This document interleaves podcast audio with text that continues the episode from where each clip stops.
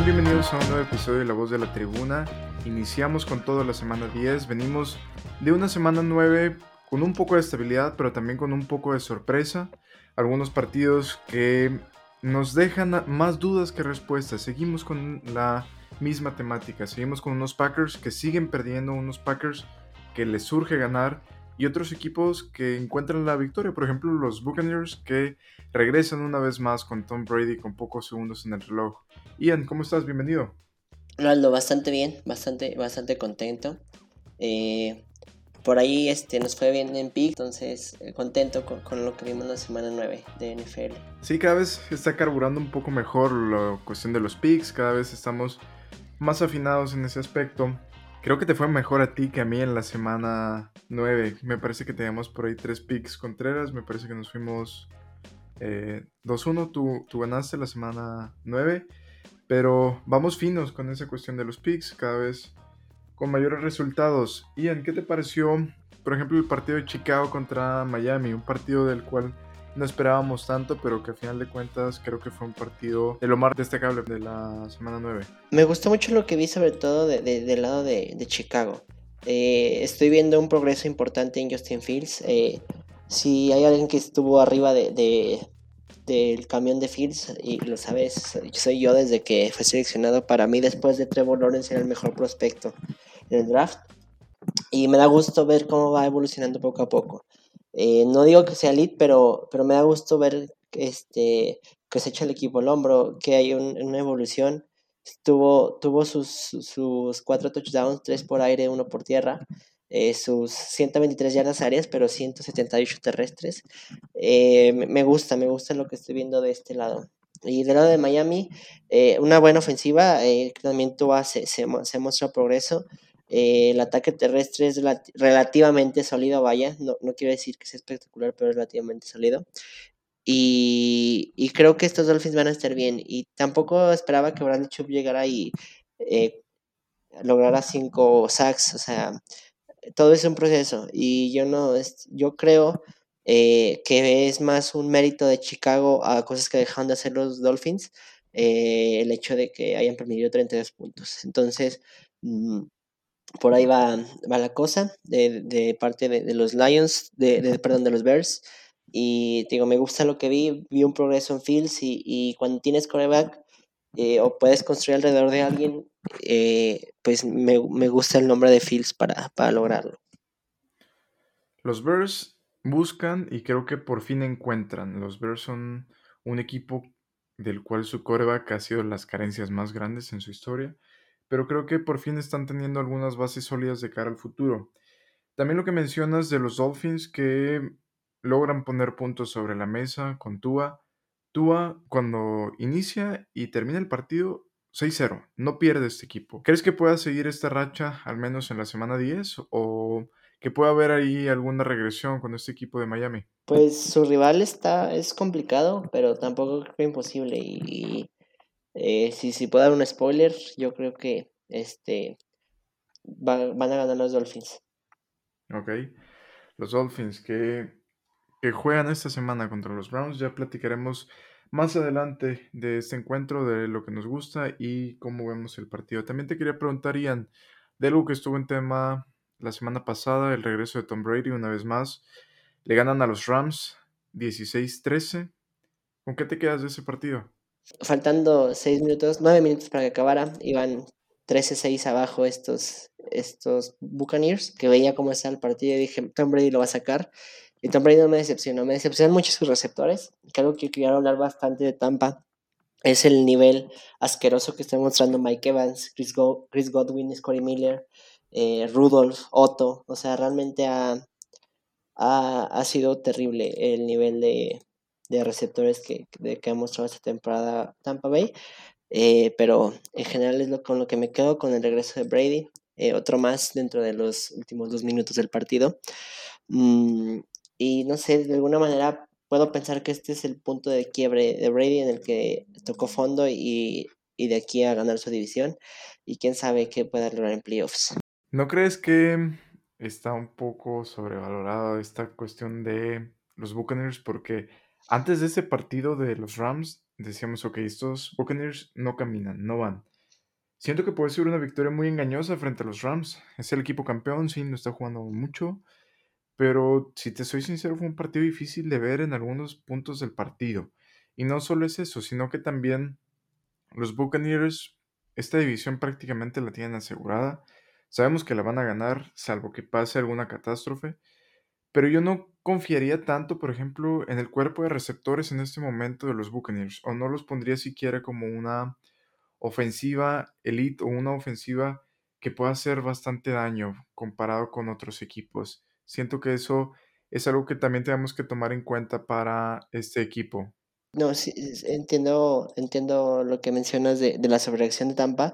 El problema es que ahí está un nombre, un nombre importante, eh, y se llama Tom Brady. Y yo, yo aprendí por las malas a, a no juzgar a, a Brady eh, antes de tiempo. Entonces, sí se ha visto diferente, claro, tiene 45 años, pero eh, justamente por lo que mencionas de, de la sencillez relativa de su división es por lo que me quedo un poquito con, con Tampa Bay, este, por, por lo que les creo un poco más vaya. Si, si tuviera cualquier otro coreback al frente, sí, sí, sí, no, no estaría eh, tan montado aún, pero no sé, hay, hay, con Brady siempre es eh, diferente. Se tiene mucho crédito, honestamente, mucho. Siento que los Buccaneers apuestan a entrar a postemporada y que en la fiesta grande pase lo que tenga que pasar, armar un trabuco y llegar hasta donde tope. Siento que es lo que está apostando este equipo y siento que es algo que también los puede convertir en un equipo peligroso, que si bien en la temporada regular no muestre mucho o quizá no esté bien conectado, pero en la postemporada se enrache y no lo pare nadie. Ya lo vimos cuando fue campeón, se enrachó semana 15, semana 16, toda la postemporada y no perdió más. Entonces, siento que eso es lo que hay que tener cuidado con este equipo de Tampa. Y sí, yo también me quedo con el regreso de Tom Brady. No dudo en las capacidades y no dudo en lo excelente coreback que es. Lo hemos platicado un sinfín de veces. Yo lo considero, al menos para mí, es el mejor de la historia. Ya tenemos un episodio también donde platicábamos un poco sobre eso, donde platicábamos sobre nuestro top 5, top 10. Pero bueno, nos quedamos con esta parte de los Buccaneers que regresan y que se enfilan a la postemporada. Algo que también nos quedó a deber fueron los Packers, otro equipo de la Nacional, otro equipo que también se está metiendo en problemas para la postemporada. ¿Con qué te quedas de ese partido frente a los Lions? Me quedo con la cara total y absoluta de Aaron Rodgers lanzando tres intercepciones en zona roja. Dos de ellas en, en zona de gol. O sea, de verdad, el partido y la toma de decisiones de Aaron Rodgers ahora sí se las tengo que cargar completamente a él. O sea, ya son cosas que sí son de él. Eh, sus 291 yardas, su touchdown y sus tres intercepciones. Eh, sobre todo una defensiva que es muy mala, eh, que es la de Detroit. Siempre permitía al menos 20, 24 puntos, al menos. Green Bay le metió 9. y eso me habla de un total y absoluto desastre en esta ofensiva de los Packers y veo muy complicado que esto vaya a arreglarse. Honestamente sí, sobre todo para este año. Y yo no sé si algunos de ellos después de esto piensen en un retiro porque conociéndolo, eh, no sé, hay cosas que no me gustan y, con, con este tipo. Entonces, eh, de verdad me da satisfacción ver después de tanto tiempo ver hacia Aaron Rodgers. Es un jugador que admiro mucho, pero también este, se ha ganado odio de bastantes personas eh, por, por, lo que hace y dice eh, fuera de, eh, sobre todo con Pat McAfee. Entonces, me, me, me, agrada ver, ver este nivel tan bajo de Aaron Rodgers. ¿Crees que en algún momento de la temporada es el momento de ver a Jordan Love? Yo creo que si dentro de unas tres semanas Green Bay sigue por este paso, deberían de ver que tienen una, evaluación un poco más completa, no solo lo que han visto estos dos años, eh, para saber si lo puede ser el futuro o no de estos Packers. Se pone en tela de juicio una vez más Aaron Rodgers y si fue bueno esa extensión de contrato y lo que le estás pagando, 50 millones de dólares, viejo. Pero bueno, iniciamos Ian con la semana 10. Arrancamos con el primer partido de esta semana, un partido en cancha neutra. Jugamos en Alemania, el partido entre Seattle y los Tampa Bay Buccaneers, que ya platicábamos hace un momento de ellos. ¿Qué podemos esperar de este partido? Mm, un partido donde vamos a ver, bueno, primero yo creo que va a ser un buen partido porque va, vale la pena levantarse. Mm, lo comentamos un poco, ¿no? La, remontada de Brady la semana pasada, ese drive de los últimos dos minutos brutales.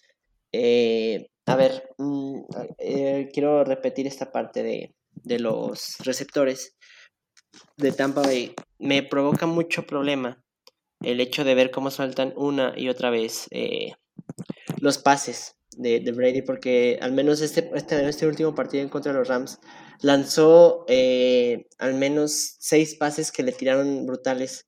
Y una, una excelente estadística que, encontré por ahí eh, de Anthony Reynard mm, me, me, ilustra mucho cómo, cómo, ha sido la temporada. Eh, Tampa Bay es el equipo que lidera entre la semana 1 y 9 en drops, con 23. Y estos 23 drops representan 54 puntos eh, que pudieron haber sido de diferencia en varios partidos. Eh, me, me, me, sacó mucho de onda la estadística. Tampa Bay es el que por mucho lidera, lidera esta, este, en drops en la NFL, repito, con 23. Y sí me habla de un nivel bajo y extraño, vaya, sobre todo de Mike Evans y de Chris Godwin de Scotty Miller, eh, que soltó otro pase de anotación. Es, cierto que en la última serie se redimió un poco, pero, pero ah, una serie antes soltó un pase ahí. Eh, y sí es de llamar la atención bastante, sobre todo porque estaba solo, solo, solo. A Mike Evans hace un par de semanas en contra de Carolina ya lo habíamos visto, eh, soltando esos pases, entonces me, genera mucha frustración mm, como, como esta estadística refleja mucho la, realidad de estos Buccaneers. Mm, y lo que me, mm, también otra cosa que me sorprendió del equipo que menos drops eh, eh, tiene son los Falcons, aunque después me puse a pensar y dije, es que Mariota no lanza nada. O sea, eh, sí, también, y lo vimos en este último partido, híjole, qué, triste es ver a Marcos Mariota.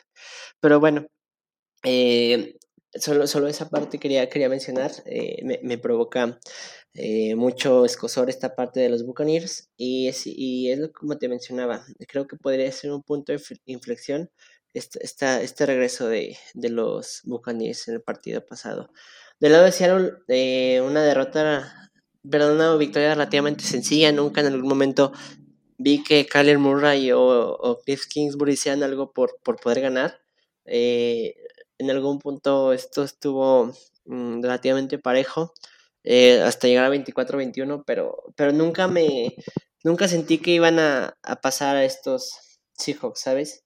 Eh, siempre fue como que mm, sabía que, que Seattle iba a sacar el partido porque no había mucho de, de Arizona y sí, es preocupante por el star power que llega a tener Arizona, eh, pero bueno, sabemos el coaching que, que predica mucho Pete Carroll y todo lo contrario está en, en Kingsbury. Yo ya, ya tiene a uno con Frank Reich. Yo, si tuviera que poner, solo que eh, McDaniels pierda contra Indianapolis, que algo tengo que decir ahorita de McDaniels.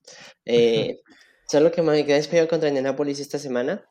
Eh, eso lo vería saliendo antes que Kingsbury. Pero si no, yo creo que sobrevive el año.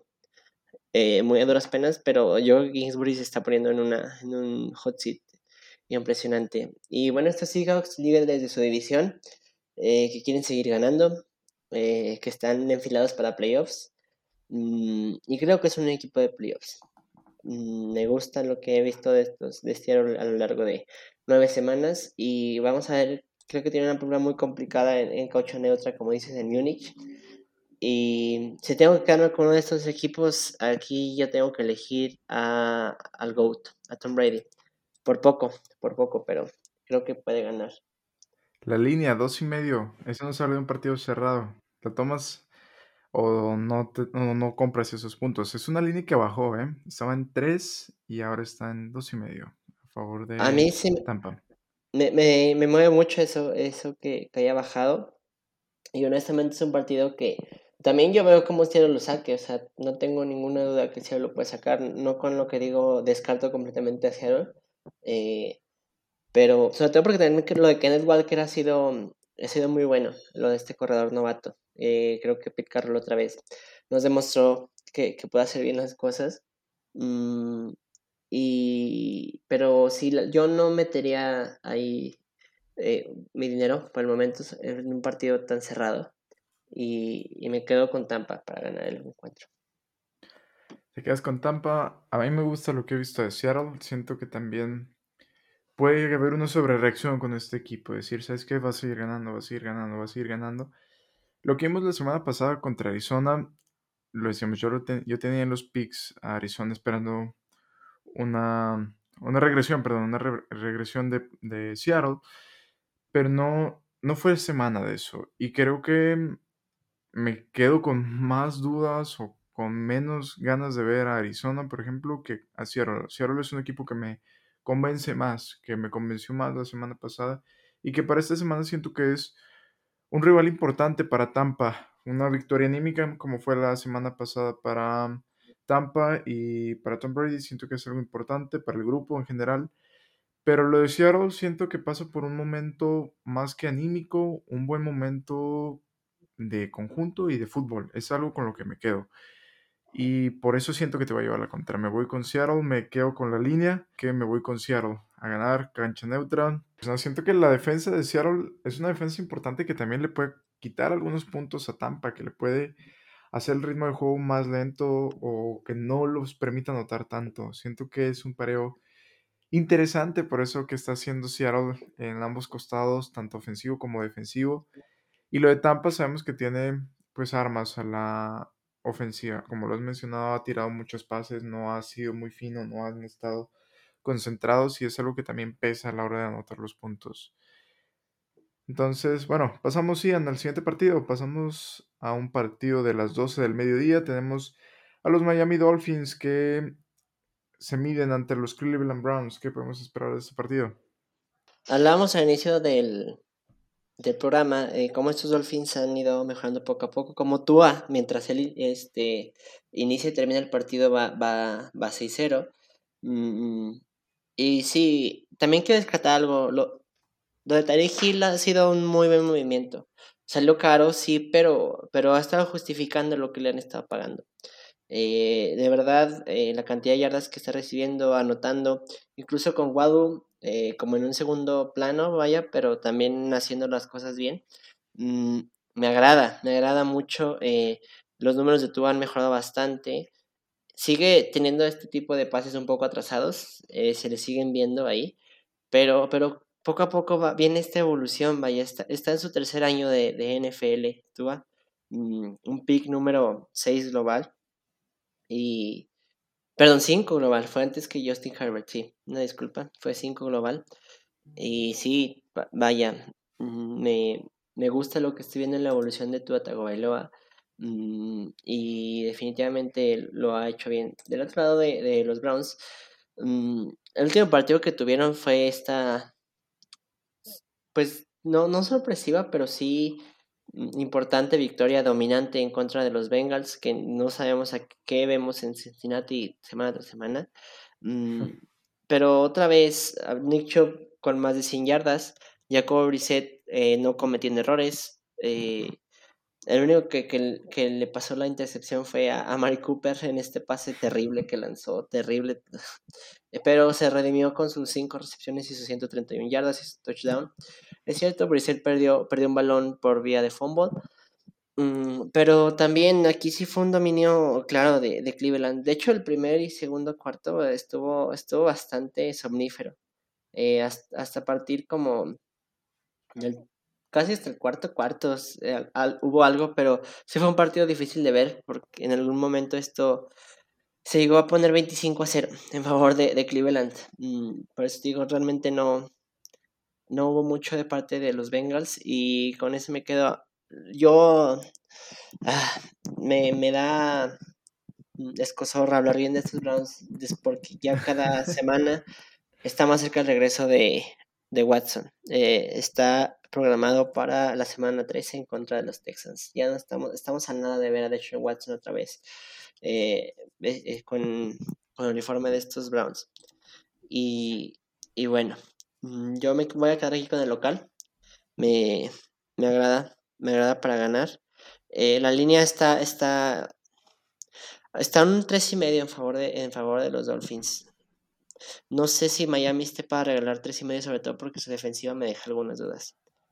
Y sobre todo en ataque terrestre, son sumamente permisivos. Y es lo que mejor hace Cleveland. Es lo que mejor hace Cleveland. Entonces, no me gusta la línea. Me quedo con el local, pero no me, no me gusta la línea. Tres y medio. Me, estoy a dijeras tres o dos y medio, vaya, pero tres y medio me, me hace mucho ruido. Precisamente eso que mencionas del ataque terrestre contra Miami es lo que te quería mencionar. Nick Chubb, Karim Hunt, ¿no crees que le puedan hacer bastante daño a esta defensiva que se ha mostrado endeble? Lo vimos, por ejemplo, la semana pasada frente a Chicago, la cantidad de yardas que le corrió Justin Fields, o sea, es impresionante. También es una defensiva que le cuesta bastante. Siento que es un partido en el cual se van a anotar muchos puntos en las cuales son dos equipos que atacan de distintas maneras. Los Dolphins atacan por aire y los Browns atacan por tierra. Ambos con muy buenas eh, ofensivas, con muy buenas jugadas. Y es algo que me gusta para este partido. Siento que la tendencia de buscar puntos y de anotar es algo que al aficionado como le gusta, es algo que a mí me gusta bastante. Si te soy sincero, esta línea me gusta, me gusta para que ambos se anoten eh, combinados más de 50 puntos. Y con lo de los Browns, tres puntos y medio me hace bastante ojo. Eso que mencionas también. Porque los Browns recordemos que vienen de una semana de descanso, semana larga. Hace un par de semanas, mencionábamos que necesitaban ganar sí o sí, que era momento de ganarle a los Bengals, a como ir el lugar sin olvidarse de la postemporada. Consiguen la victoria, es una victoria importante, una victoria anímica, una victoria que los hace verse bien y es algo que también cuenta bastante en la NFL. Logra un poco de estabilidad, hay una semana larga, semana para preparar este partido y me gusta el pareo que tienen frente a los Dolphins, sobre todo por lo que mencionábamos de las defensivas. Yo voy a tomar la línea para los Browns y estoy a nada, de verdad estoy a nada de tomarlos en el money line por lo que te menciono de la regresión de Tua. Tampoco creo que los Dolphins se puedan ir invictos con Tua bajo los controles. Y siento que es una buena semana. He estado poniendo picks en contra de los Dolphins semana tras semana. No he acertado en algunos, pero creo que esta semana es una oportunidad interesante, importante. Me quedo con la línea para los Browns, los Browns a ganar y con la con el over, perdón. Me voy con eso, entonces segundo pick contra el 100 de este partido. ¿Cómo lo ves? Bastante este, interesante este pick de tu parte. ¿No me estoy disparando en el pie?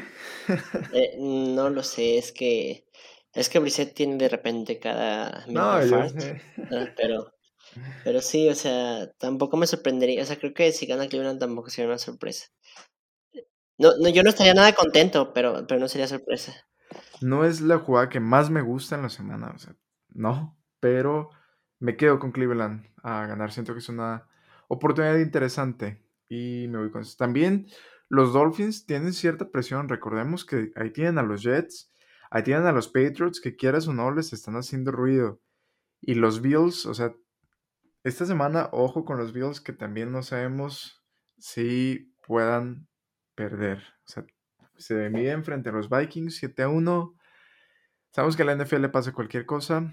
Es una división que se ha complicado bastante. Por eso digo que los Dolphins no pueden quitar el pie del acelerador. Ojo con eso. Y ojo con la presión también que tenemos. Pasamos al siguiente partido, Ian. Los Packers, ¿cómo lo ves? Frente a los Dallas Cowboys, el regreso de Mike McCarthy al Lambeau Field. Hablamos ya de Aaron Rodgers, este, de cómo él ha sido parte del problema y no de la solución de estos Packers. Eh, y ahora pues toca hablar de, Dallas. Mm, el último partido que tuvieron fue en contra de, los Bears, un 49-29 dominante, eh, definitivamente dominante. Eh, son los líderes de la NFL en sacks con 33, nadie tiene más. Esta defensiva lo ha hecho bastante bien. Prescott ha jugado bien. Mm, eh, Tony Pollard lo ha hecho también de una manera muy buena. Mm, creo que él debería ser ya el corredor titular de estos Cowboys. El último partido, sus 131 yardas y sus 3 touchdowns. Eh, ha, sido, ha sido bastante bueno. A mí toda la lógica del mundo me avienta a poner a, los Cowboys como, como ganadores de este encuentro. Sin embargo, como todo el mundo sabe, eh, tienen un enorme problema ahí, ahí eh, el cual se llama Mike McCarthy. sí, es un problema grave. Es un problema que a mí no me gusta nada, este, este head coach. pero no lo he hecho tan mal las últimas semanas. Eh, es por eso que he intentado no creer en Dallas, pero esta conferencia permite este tipo de partidos. Mm, yo a Rogers lo veo desencajado, pero yo sí veo un escenario en el que los Green Bay Packers eh, le ganen a McCarthy, porque es el primer eh, regreso de McCarthy a Lambeau Field desde que, desde que es head coach de Dallas. Mm, híjole, me encantaría poner a Rogers esta semana para ganar. Pero toda la lógica del mundo, eh, la, defensiva, que me presenta Dallas semana tras semana de Dan Quinn es, es, es buena, o sea, lo está haciendo perfectamente bien. Mm, además, el récord de casa de Green Bay, un 2-2, no me tampoco me muestra mucho. Mm, con mucha confianza y por más que me duela eh, poner a McCarthy ganando un partido, yo creo que McCarthy va a ganar. Sabemos que Dallas tiene estos partidos en donde decimos sí, nos vamos con ellos y al final de cuentas salen con una sorpresa. Si Aaron Rodgers y los Green Bay Packers tienen un rival que les gusta ganarle, además de los Bears, son estos Cowboys.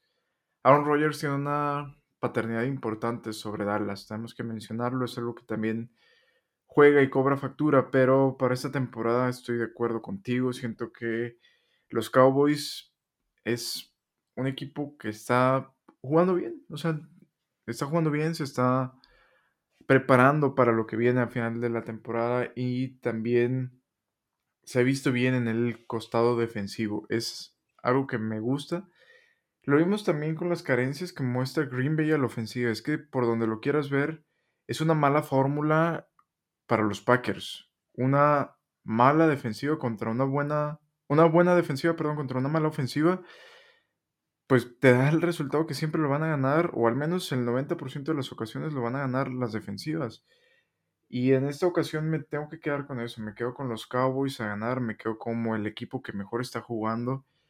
Y también, si te soy sincero, es por algo de morbo de ver a Aaron Rodgers perder una semana más. La semana pasada yo lo tenía en los picks, ambos lo teníamos en los picks y lo platicamos. ¿Qué pasa si pierde otro partido más? Imagínate si pierde uno más. Te vuelvo a hacer esa pregunta, Ian. Imagínate si pierde uno más. Esta semana no se ve tan complicado como fue contra los Lions la, la semana 9. Era un partido divisional, sí. Pero para todo el mundo, los Packers tenían que ganar sí o sí. Esta semana, ¿cómo lo ves? ¿Crees que pueda ser la estocada final para Aaron Rodgers y compañía si pierden ese encuentro? Sí, sobre todo su división, ya no creo ni siquiera que puedan aspirar a un mm, a un lugar de comodín por cómo está en la conferencia. Y sí, yo creo que sería una estocada terrible para, para estos Packers. Es que el problema con estos Packers y con el lugar de comodín es que tenemos a los Cowboys 6 y 2 a los Giants 6 y 2. Arriba de ellos también tenemos a, los Commanders 4 y 5. Tenemos a los 49ers. Tenemos hasta cierto punto a los Falcons 4 y 6, que son equipos que tienen mejor récord que los Packers. Ese es el gran problema para Green Bay esta temporada. El buscar algún lugar de comodín. Estamos de acuerdo que están muy lejanos de poder aspirar a su división. 7-1 de los Vikings, 3 y 6 de los Packers. Están a tres partidos siquiera de ponerse en el punto 500. Es algo que nos muestra lo mal que han estado jugando y lo distantes que están de ser un equipo competitivo, al menos como eran en temporadas pasadas. ¿A qué crees que se debe ese gran bajón anímico y de juego que ha tenido Aaron Rodgers después de ser MVP en temporadas consecutivas y que ahora esté jugando de esta manera? Mire, yo creo que entre la edad y, también ya su, pues sí, su mentalidad de decir, ¿sabes qué? Eh, I'm done, ya estoy eh, listo. Es lo que me, me, hace pensar eso y a lo que se deba. Eh, pues sí, su apatía en ser mejores, en buscar algo, eh, es lo que me, me cuestiona un poco. En caso de que no se retire Aaron Rodgers, ¿lo moverías de equipo? ¿O crees que se podría mover? Yo creo que la oportunidad de moverlo de Green Bay ya pasó. O sea, después de cómo termine esta temporada, creo que no va a terminar bien parado. No creo que alguien pues, quiera absorber un contrato tan grande y quiera pagar tantos picks por él. Eh, yo no veo moviéndolo. Yo no veo ya a Rodgers fuera de Green Bay. Se acaba la novela. Aaron Rodgers se retira en Green Bay. Al menos es lo que parece. es que absorber ese contrato es hipotecar tu futuro. O sea, con los picks que vas a dar y con el salary cap también es, es un tema importante. Pero bueno, Ian, nos quedamos con los Cowboys. ¿Te gusta la línea? No te lo pregunté. La línea de puntos. cuatro puntos. Mm. De visita. No, no. no. Qué frío nos da esa línea, ¿eh? Con, con cuatro puntos, no. No, yo tampoco. Si fuera tres, maybe. O sea, tal vez y esperando que se pueda empatar. Pero no, cuatro no. No le doy cuatro puntos a Dallas de visita en el Lambo Field. Nunca, no. Ni aunque jugara con Jordan Love, fíjate lo que te digo. Y menos por el cocheo que tienen. Pero no, nos quedamos ambos con Packers a ganar y con la línea para los Packers. Entonces, vamos con eso. Pasamos al último partido de esta semana, Ian, de los cuales tenemos para platicar es la visita de Los Ángeles Chargers a San Francisco. Se envían a los 49ers. ¿Qué podemos esperar de este partido que se juega en domingo por la noche? San Francisco viene de dar una actuación dominante contra los Rams hace un par de semanas. Eh, luego su bye week y ahora en contra de los Chargers. Mm, este equipo cada vez se ve un poquito más, eh, mm, ¿cómo te digo? Como junto, vaya, ha funcionado bien. Mm, y los Chargers, eh, jole, la semana pasada estuvieron nada. Qué jugada, qué jugada de, de, Atlanta, entre Atlanta y estos. Fumble, recupera la defensiva, fumble y lo recupera otra vez los Chargers. Hay, hay cosas que no entendemos en esta vida y en algún momento decimos que este no sabíamos quién quería ganar. Definitivamente no, nos dimos cuenta quién quería ganar. Mm, Herbert también ha mostrado un nivel bajo. Eh, y me preocupan bastante lo que, lo que he visto también de ese lado. Eh, el ataque, eh, la defensiva terrestre también es bastante deplorable de estos Chargers. les surge que regrese Joey Bosa para, para, ayudar un poquito por ese lado. Colin Mack lo ha hecho bien. Ya perdieron completamente para todo el año a JC Jackson. Mm, además de que tienen ahí al animal de Brandon Staley coacheando. Eh, por donde yo veo este encuentro, creo que San Francisco tiene una ventaja eh, para ganar el, partido. Mm, se ve muy bonito el récord de los Chargers, un 5-3 con 4-4, sí, pero eh, sí, el talento es muy bueno en los Chargers, pero definitivamente no, no lo veo. No, no veo este, cómo Staley le saca un partido a Shanahan con todo y lo sabemos las carencias de este, de este coach. En este momento los Chargers están en postemporada, están como comodín en el, séptimo sembrado de la americana. Es un equipo que quieres o no está metiéndose a la fiesta, al menos hasta el momento. En la semana 10 por iniciar, está ahí en la pelea. San Francisco igual, séptimo sembrado, pero de la nacional al momento.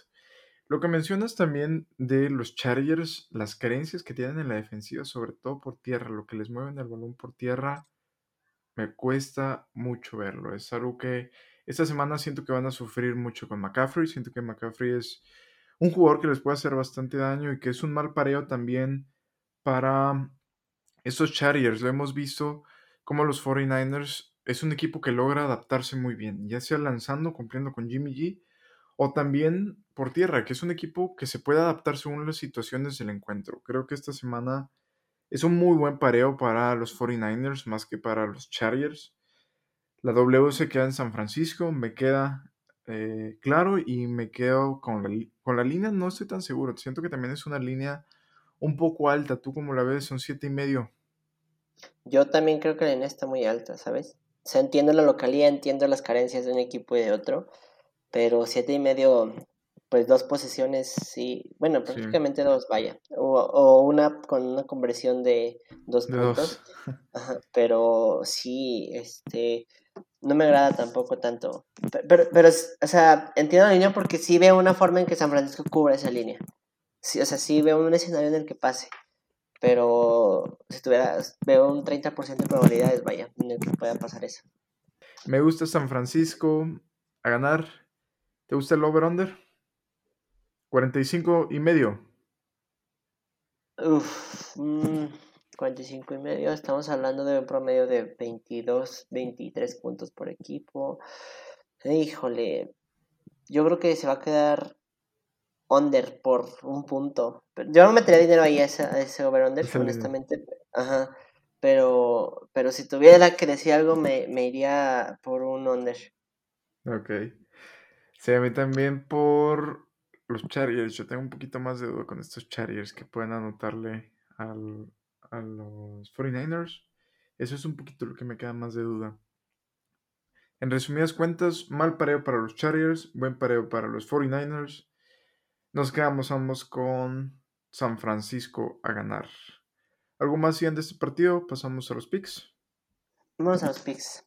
Ok, vámonos a los picks. Semana 10. Arrancamos con el partido entre Seattle Seahawks que juega en cancha neutra frente a los Tampa Bay Buccaneers. Partido que, se juega a las 8.30 de la mañana, tiempo de México, en Alemania. ¿Qué podemos esperar? Yo me quedo eh, con Tampa Bay para ganar el encuentro. Te vas con Tampa, yo me voy con Seattle a ganar primer pick Contreras. Pasamos al segundo partido, partido del mediodía en Kansas, que se juega en el Arrowhead Stadium. Kansas City Chiefs recibe a Jacksonville Jaguars. Aquí yo creo que gana Kansas, eh, sobre todo como sacaron el partido la semana pasada en contra de esos Titans. Mm.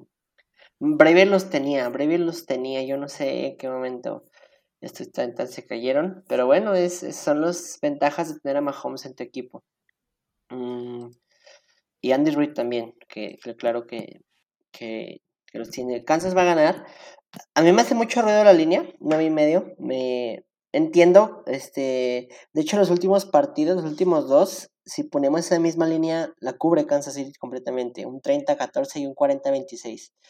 Mm, pero yo me quedo con estos Jaguars de que son mejores que los Jaguars de semana anterior. O sea, son mejores que los Jaguars. Los Jaguars de la semana 2 son mejores que los Jaguars de la semana 1. Los Jaguars de la semana 3 son mejores que los Jaguars de la semana 2. O sea, están siendo mejores versiones de sí mismos. Eh, yo ahí es donde veo que a lo mejor no veo una santa madrina. Eso lo quiero llegar, como, como lo esperamos, como se espera. Eh, la línea sí me hace mucho ruido que esté tan alta. Eh, sí entiendo por qué, vaya, o sea, sí hay una diferencia brutal entre uno y otro. Además, bueno, al menos este, Lawrence mostró un poquito más. Mm, claro, también en contra de McDaniels, que tengo muchas cosas que decir de este tipo. Eh, pero sí, me quedo con Kansas City para ganar y la línea me reservo. Nos reservamos con la línea, yo también me quedo con Kansas a ganar.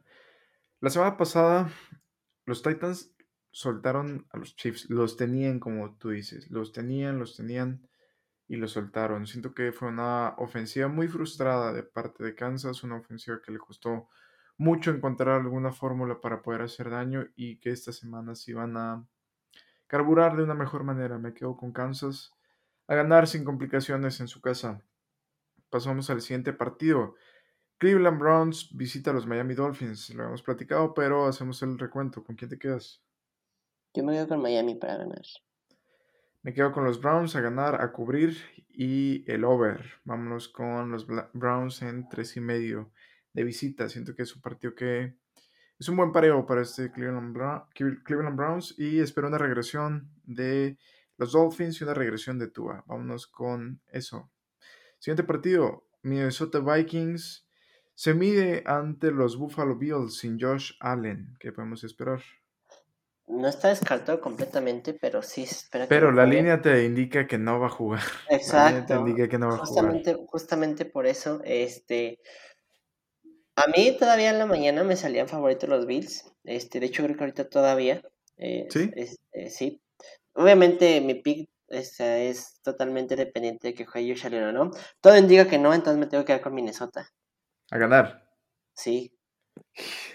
Yo no veo cómo Case Keenum haga un trabajo contra, contra esta defensiva de Minnesota que no es brutal, no es brutal, no es, pero llega a parar bastante bien a los equipos.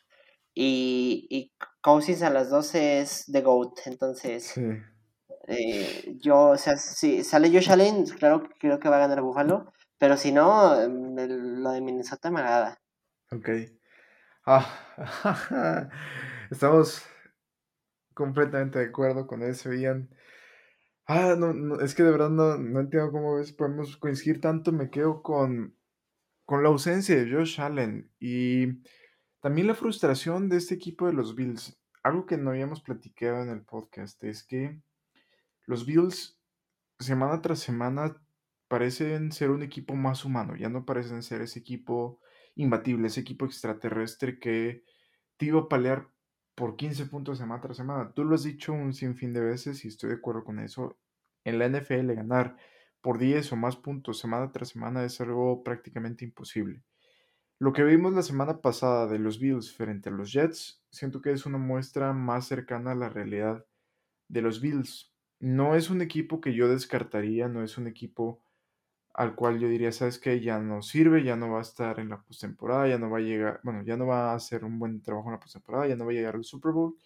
Siento que es un equipo que aún tenemos que tenerle un respeto importante, pero semana tras semana se muestra como un equipo más humano, un equipo pues que se acerca más a la realidad de la NFL y de la liga, una liga competitiva y en donde los chicos también le pueden pegar a los grandes. Esta semana me voy a quedar con los Vikings, te voy a hacer segunda. Es un pick que me gustaba bastante desde que vi el movimiento de la línea. Esta línea abrió, me parece que en 7 la semana pasada. Ha ido bajando, bajando, bajando. Incluso hoy bajó, estaba en 3 y medio antes de grabar, ahora está en 3 puntos. Eso nos muestra que no va a jugar Josh Allen y que los Vikings son un equipo 7 a 1. ¿En qué momento habrías tú pensado que un equipo que va 7 a 1 se diría 3 puntos o cuatro, por ejemplo, hoy al inicio del día. Son situaciones complicadas. Eso también nos habla de los Vikings, que no se les tiene el respeto y que lo hemos platicado de broma, que es un equipo con racha ganadora de los cuales se habla menos, que es un equipo, pues sí, ganas, pero no te hacemos mucho caso. Y lo que mencionas de Kirk Cousins, partido del mediodía, te la compro. Vámonos con los Vikings a ganar y con la línea. Esa línea también me hace bastante ojito. Y los Bills siento que esta semana pueden perder el liderato de su división. Ojo con eso, si ganan los Dolphins, pueden perderlo porque ahí el criterio de desempate lo tienen a favor los Dolphins. Otro dato a destacar, Ian, de estos Bills es que han perdido dos partidos divisionales frente a los Jets y frente a Miami. Es algo que también hay que destacar de este equipo. Se le complican. Y sobre todo porque pierde los tiebreakers. Eh, a mí eso es lo que me alarma de Buffalo, más que el hecho de, de, de, la derrota. Vaya, pierde tiebreakers que a la hora de playoffs probablemente pierdas tu, tu, partido de local. Y eso es lo que a mí me preocupa. Eh, va 0-2 en la división. Eh, y así como está, yo no descarto un 2-4 en la división para estos Buffalo, porque no creo que New England sea un equipo competente para ganar a Buffalo, ni siquiera con Case Keenum, o sea, así te lo digo. Pero mm, ya vimos que los Jets lo pueden parar, ya vimos que Miami lo pudo parar.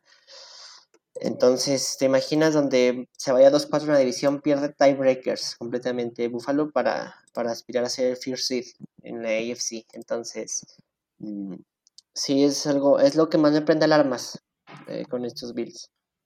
Sí, no solo eso, en caso de irse con ese récord, en la división también es prácticamente perder el, o sea, ya lo dijiste, el liderato de la división y entrar como comodín, entonces es algo peligroso también, es jugar de visita y ojo con eso. Pasamos al siguiente partido, Ian. Houston Texans frente a los New York Giants. Un equipo con racha muy perdedora frente a un equipo con racha ganadora. Un equipo que viene descansado, que viene eh, jugando bien. ¿Qué podemos esperar? ¿Con quién nos quedamos? Si hay algún Survivor Vivor todavía, que dudo bastante. Eh, tómenlo, tómenlo. Tomen a los Giants aquí. Ajá. Aquí están, aquí está su pick Survivor de esta semana. Tomen a New York Giants. Sí, sí, a mí también me encanta para Survivor. Lástima que perdí en un partido divisional con Tampa. Pero bueno, ni hablar. Eh, ¿La línea te gusta? Cuatro y medio la vi si no me equivoco. ¿Cuatro y medio? ¿Cuatro y medio? Cuatro y medio, sí, debería de cubrirla. Sí, no. Este, este equipo cada vez lo veo más desahuciado a estos pobres Texans, honestamente. Eh, la muestra que hicieron en el último partido en contra de Filadelfia, la verdad es que fue, mm, no sé, como un poco, como solo Filadelfia me va a dejar llevar, vaya.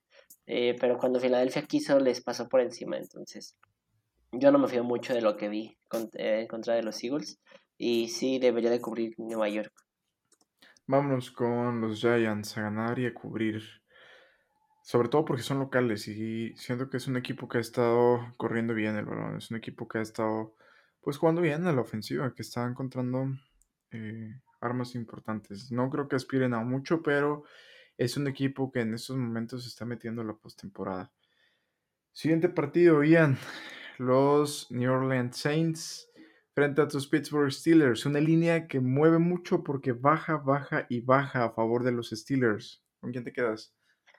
Oye, es que Andy Dalton está ahí y si algo aman los Steelers es apachurrar, mear, eh, no sé cómo explicarlo, eh, a Andy Dalton. No a los Saints, Andy Dalton. Andy Dalton este, es uno de los corebacks que más ha sido capturado por estos Steelers. Eh, además regresa TJ Watt. Yo entiendo completamente y me quedo con el local, me quedo con Steelers para ganar. Y creo que este es un partido en el cual Kenny Pickett se puede ver como, como, como un, un coreback que es el futuro de la franquicia. Es de esos partidos que pueden ser un statement para, para, para decir, ok, voy a construir alrededor de ti. Y, y sí, mira, o sea, estoy viendo ahorita los, de los últimos... Eh, cinco partidos que ha habido entre estos dos eh, rivales, ha ganado cuatro New Orleans, los últimos tres, incluyendo los últimos tres. Sin embargo, hay que recordar que estaba Drew Brees. Exacto. o sea, eh, son otros Saints completamente diferentes. Eh, me voy a quedar con los Steelers para ganar. Me quedo con los Steelers también a ganar. El movimiento de la línea también te indica mucho que se ha inclinado el favoritismo hacia los Steelers, que se está cambiando esa forma de ver al underdog. Me quedo con los Steelers, siento que es un partido importante para ellos, un pareo agradable. Y lo que vemos de los Saints tampoco es algo que me convence, lo hemos platicado semana tras semana. Estos Saints es un equipo gris, un equipo que me cuesta ver. Y ojo, Ian, también, que cuando yo le pongo el pick a los Steelers, rara vez lo acierto. Es de esos equipos que me cuesta bastante ganar una W con ellos, así que espero no salártelo. Pero es Andy Dalton, es que es Andy Dalton, así, así le pongas, este, incluso con un más 10 a los Steelers, o sea, este, perdón, menos 10, eh, es Andy Dalton, o sea, a mí Andy Dalton me parece una de las peores pifias y bromas que hay en la NFL. Este también está para teaser. Este también está para teaser. Me gusta. Me quedo con el local. Me quedo con los Steelers a ganar. También un over-under muy, muy bajito. 40 puntos. ¿Con quién te y con todo eso se van a ir under, ¿eh? sí. Yo también lo veo. Se van a ir under. O sea, eso sí. Si hay algo de lo que más puede tener seguridad esta semana, este, obviamente nada es seguro en esta vida, pero es de que se van a ir under. Siguiente partido, Ian un partido divisional, un partido que también ajusta la línea en cuanto al over-under. Detroit Lions se mide a los Chicago Bears, juegan en el Soldier eh, Field Stadium. ¿Con quién te quedas? Me quedo con Justin Chiquito Bebé Fields, este, que va a ganar, va a ganar este, este encuentro. No, creo que les puede pasar por encima esta defensiva. Eh, la línea, si no me equivoco, la vi en 3. Dos y medio bajo. Dos y medio, ah, ya la bajo, ok. Eh, entiendo por qué. Eh, gracias a que bajó, me voy a quedar también con la línea. o sea, Si hubiera sido tres, diría, pero ahora que bajó, me gusta todavía más. O sea, tres puntitos ahí de diferencia, claro, la tomo. Lo tomo para Chicago. Sí, claro, si vas a tomar el, el money line, hacer la diferencia es, o sea, por estadística y por todo es prácticamente tres puntos. La, la diferencia mínima me voy a quedar con los Bears, con la línea y a ganar. Es un partido que me gusta bastante lo que hemos estado viendo de estos Bears y la evolución de Justin Fields y del equipo en general. Vámonos con Chicago a ganar. Siguiente partido, Denver Broncos. Se mide a los Tennessee Titans, partido que se juega en Tennessee. ¿Con quién te quedas? Un partido bien difícil de ver y me voy a quedar con el mejor, mejor coach aquí, McBride. Y honestamente no quiero hablar mucho más de esto porque ver a Denver y ver a Tennessee sí me provoca mucho sueño. me quedo con los Titans, ambos uh, nos quedamos con ese. Y si tenemos un over-under más bajo que el de el partido entre los Steelers. Aquí tenemos uno en 39 puntos. Y yo siento que también va a ser under, under, under, under. Me quedo con Tennessee a ganar. Es que sabes que yo, no veo cómo Russell Wilson le vaya a meter 12, 13 puntos a, la defensiva de Tennessee. ese es el problema. Una defensiva que está jugando bien. Siento que es el mejor costado para estos Titans. No juega Ryan Tannehill, del parecer, y creo que jugará en la semana 11. La semana 11 se espera que regrese. Semana 10 no juega frente a estos Broncos, pero aún así me quedo con los Titans. Siguiente partido, bien, es Las Vegas Raiders. ya me lo espero. Recibe a los Indianapolis Colts con un nuevo head coach, head coach interino que no tenía idea de que iba a ser entrenador en jefe esta semana. ¿Con quién te quedas? Mira, mm, un par de mancos entre Jeff Saturday y Josh McDaniels. Yo no sé qué pensó Jim Mercy a la hora de contratar a Jeff Saturday después del despido de Frank Reich, este, que se dio esta semana, completamente justificado. Eh, lo único por lo que yo no hubiera despedido a Frank Reich es porque desde el 2018 que llegó, con Andrew Locke en 2018, que bueno, un excelente coreback. Eh, pero luego después tuvo a Jacoby Brissett, tuvo a Brian Hoyer, tuvo a Philip Rivers, tuvo Carson Wentz y tuvo lo que resta del muerto de Matt Ryan y Sam Linger. Con todo y eso, su récord total fue 40-33-1. Se fue con arriba del punto 500 eh, en frente de tus Colts. No por eso eh, digo que, que, fue un error haberlo corrido. No, no, no para nada. Este, de hecho, era de los principales que quería que se fueran. Eh, solo digo que de pasar a Frank Reich a tener a Saturday, a mí me suena un claro, quiero un pick top 5 el siguiente draft, quiero un coreback el siguiente draft, es lo que yo mm, interpreto de estos calls mm, completamente. Mm, obviamente no a nivel de entrenadores y a nivel de jugadores, pero sí a nivel de, de franquicia, vaya, de front office, a mí no me queda duda que esto es un tanking total y absoluto como lo hicieron eh, hace, hace, ¿cuánto fue lo de Andrew Luck? ¿11 años? ¿10 años? Igual que este, aquel. Porque Saturday no siquiera tuvo experiencia, no tiene experiencia ni de coach, o sea, no estaba de nada. Es una leyenda eh, de estos Colts o un muy buen jugador, un centro, eh, que lo hizo muy bien, pero no por eso vas a justificar que lo vas a poner después de no tener una experiencia para nada eh, en estos, eh, como, como tu, tu, principal cabeza deportiva, eh, me, teniendo ahí a, Gus Bradley, o a Gus Bradley, perdón, o, a Fox, que ya ambos fueron head coaches en la NFL, y pones a Saturday, o sea, a mí es un claro mensaje, pero clarísimo de que de, de Jim Mercy de decir, ¿sabes qué? no me interesa esta temporada, espero no ganar un solo partido más. Eh, porque realmente no, no, no, no quiero, no me interesa ya más esta temporada y quiero un coreback el siguiente año. Ahora, ahora quiero ahora sí hablar de, de McDaniels. Eh, yo se los dije una y otra vez. Eh, eh, yo desde que lo nombraron, me parece un tipo muy malo como head coach, muy, muy malo. dejó ya tres ventajas de 17 puntos en contra de Kansas City, en contra de Jacksonville y en contra de Arizona. O sea, eso ya te habla terrible. Hace un par de tres, hace tres semanas lo blanquearon los Saints. Los Saints de Andy Dalton. Lo blanquearon. Eh, yo ya vi el escenario y estoy en ese barco. En total de que van ganando estos Raiders 20-0. Y el inútil de Saturday y el inútil de Sam Ellinger le van a sacar el encuentro. ¿Por qué? No sé. O sea, yo estoy en ese barco cuando que los, los Raiders van a ir ganando 20-0 y le van a sacar el partido. Y McDaniels, no continúa como head coach de este. O sea, si McDaniel llega a perder este partido es para que lo corran, incluso aunque no pierda la ventaja. Pero si la pierde, o sea, yo ya vi, yo ya vi ese, ese, ese momento tan glorioso. Porque McDaniel me parece uno de los peores head coaches en la NFL, en el mismo nivel de Kingsbury, en el mismo nivel de, de lo que era Matt Rule. Eh, solo, solo está arriba de, de, Urban Meyer en los últimos años. O sea, de Urban Meyer, así, así te la pongo. Eh, Magallanes es un tipo que de verdad eh, me causa coraje que tenga un trabajo como head coach en la NFL. Me causa mucho coraje. Mi pick me tengo que ir con la lógica porque tampoco eh, lo tengo que tomar con todo lo que odie. Pero yo estaría muy feliz de equivocarme en este pick. Mucho, muy feliz. Y sobre todo si pierde, eh, que la remonten otra vez. No por 20, por 10, por lo que sea. O sea, yo sería muy feliz si Indianapolis saca este encuentro. Los Raiders que la temporada pasada eran un equipo de postemporada y que esta temporada 2022 están cada vez más lejanos de esa realidad.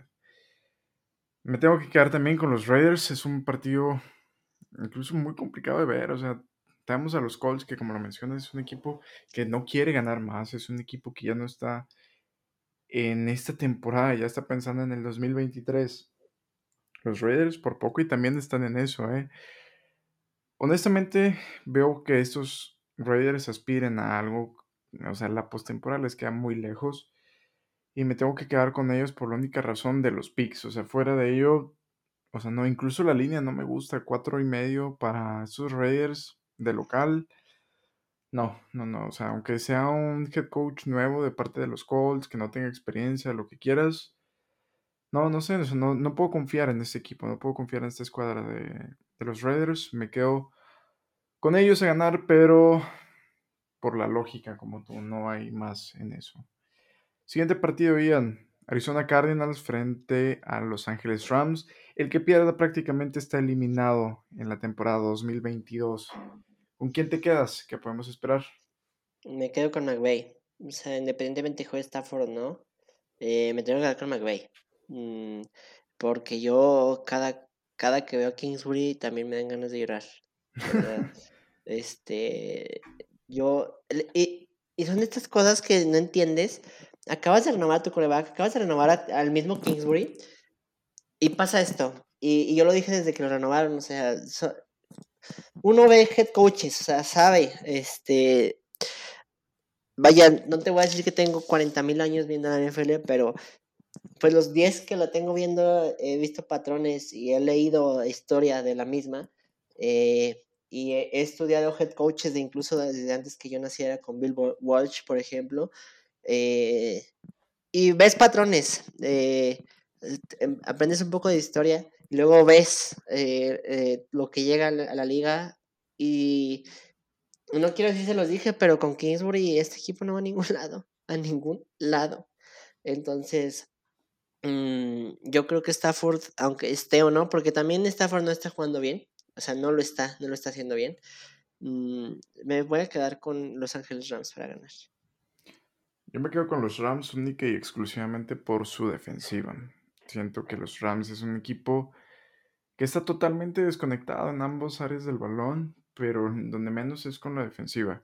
Matthew Stafford no está jugando bien, actualmente está en protocolo de conmoción por lo que hemos visto esta temporada con la liga y con lo que pasó con Tua, todo ese escándalo, siento que no va a jugar. O sea, prácticamente yo ya lo tendría descartado. También eh, Murray está cuestionable de parte de los Cardinals. Yo veo más probable que juegue Murray. O sea, si te soy sincero, siento que va a jugar. Pero aún así no me parece eh, motivo suficiente. También es importante hablar de la paternidad que tienen estos Rams sobre los Cardinals es un factor importante de local. Los Rams, me quedo con ellos a ganar. Y nada más ganar, fuera de eso no me gusta nada más en, este partido. Los Rams a ganar, los Cardinals eliminados de la temporada 22. Vámonos con eso. Siguiente partido. Dallas Cowboys frente a los Green Bay Packers. Partido en Lambeau Field. Mm, me voy a quedar con el visitante para ganar. Nos vamos con los Cowboys a ganar. Y, a cubrir ninguno. Nos dio frío tremendo meter ese menos 4. Penúltimo partido de la semana. Los Ángeles Chargers entre los eh, San Francisco 49ers. ¿Con quién te quedas? Eh, se queda en Santa Clara esa victoria. Nos vamos con los 49ers en su último partido antes de venir a México. Vámonos con ellos a ganar. Se termina la jornada con el partido entre los Washington Commanders y los Philadelphia Eagles. ¿Con quién te quedas? Filadelfia. Filadelfia se pone 9-0. ¿Te gusta la línea? 11. 11, no. No, no la estamos. No, en divisional. divisional primetime, lunes por la noche. No, no vamos con la línea. Me quedo con los Eagles a ganar. Tenemos dos picks contrarios esta semana, Seattle y Browns. Yo voy con Seattle, tú vas con Tampa, tú vas con Miami, yo voy con Cleveland. Nos quedamos así con la semana número 10 de la temporada 2020-22. 2020-22. Antes de terminarlo, ¿qué partido crees que pierde Filadelfia? Viendo su Ojo, calendario, que le queda, le queda, mm, o sea, sus partidos complicados, Dallas, o sea, Sí. podrías poner que Nueva York si sigue, este, funcionando como lo ha hecho hasta ahora, pero en su calendario que le resta, tiene a Indianapolis, tiene a Tennessee, que creo que también es uno de los que pudiera perder. Eh, tiene a los Packers, que no creo que, o sea, como están jugando los Green Bay Packers, no veo cómo le van a sacar el encuentro a Filadelfia. Mm, yo veo dos partidos, este, el de Dallas, que tampoco creo que Dallas sea mejor equipo que Filadelfia, ¿eh? yo creo que si tuviera que elegir ahorita, afortunadamente no, pero ahorita, este, es hasta el 24 de diciembre ese partido. Mm, si tuviera que elegir ahorita quién ganar, podría Filadelfia.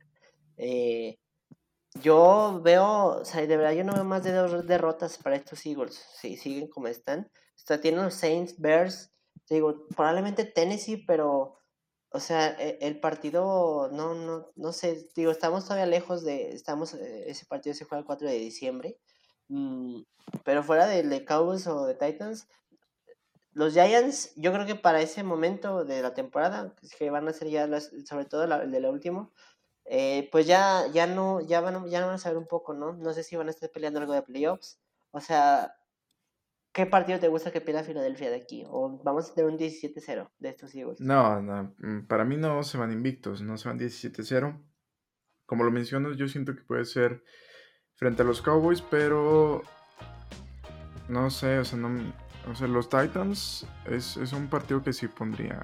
Eh, los Colts, no, o sea, definitivamente los siguientes dos partidos de los Eagles, de una vez te doy la W para ellos. Washington y Colts. Los Packers me, me interesa ver qué pasa con Aaron Rodgers. También siento que es un equipo que no va a aspirar a más, es un equipo que va a bajar los brazos en algún punto de la temporada. Por eso no le doy el beneficio de la duda a estos Packers, pero podría ser eh, Titans o incluso en la última semana contra los Giants. O sea, no arriesgar jugadores titulares de cara a la, a la postemporada. Partido divisional, un partido ríspido, un partido que también puede estar ahí eh, Nueva York arañando o buscando a subirse a algunos lugares en la conferencia nacional.